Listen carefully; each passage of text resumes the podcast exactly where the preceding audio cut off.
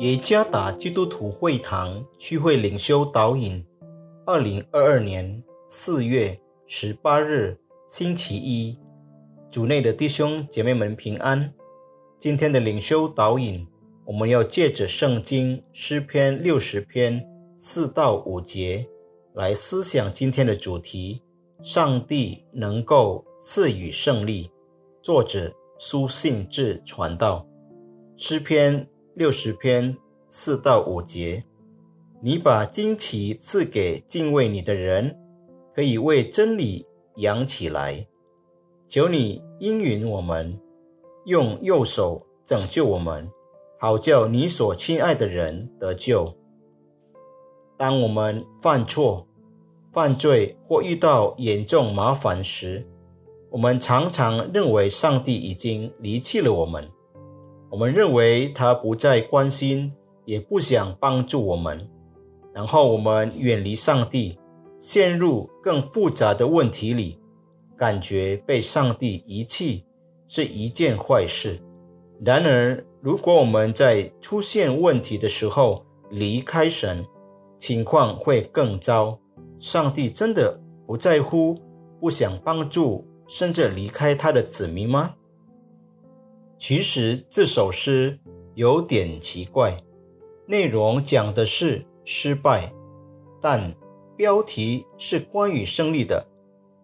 印尼语版圣经第一到二节包含在希伯来语和英语版的标题部分。这件事发生在大卫的全盛时期，当时他多次战胜对手。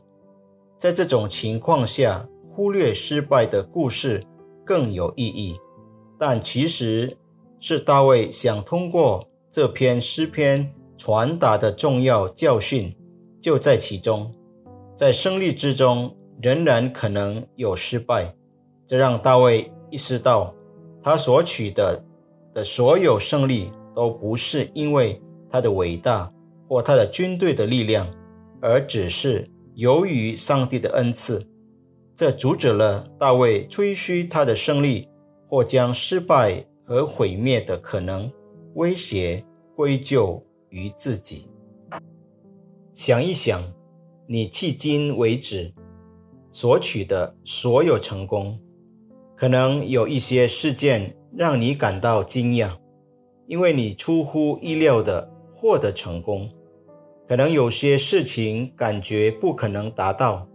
但你做到了，还要想想，因为你成功克服困难而变成快乐日子的那段困难时期，这一切是从哪里来的？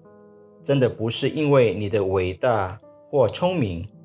大卫教导我们，我们所有的成功实际上都是来自上帝的礼物，是神赐下平静、挺住的力量和解决问题的智慧。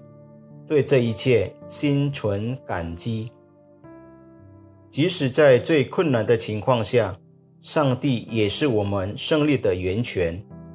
愿上帝赐福弟兄姐妹们。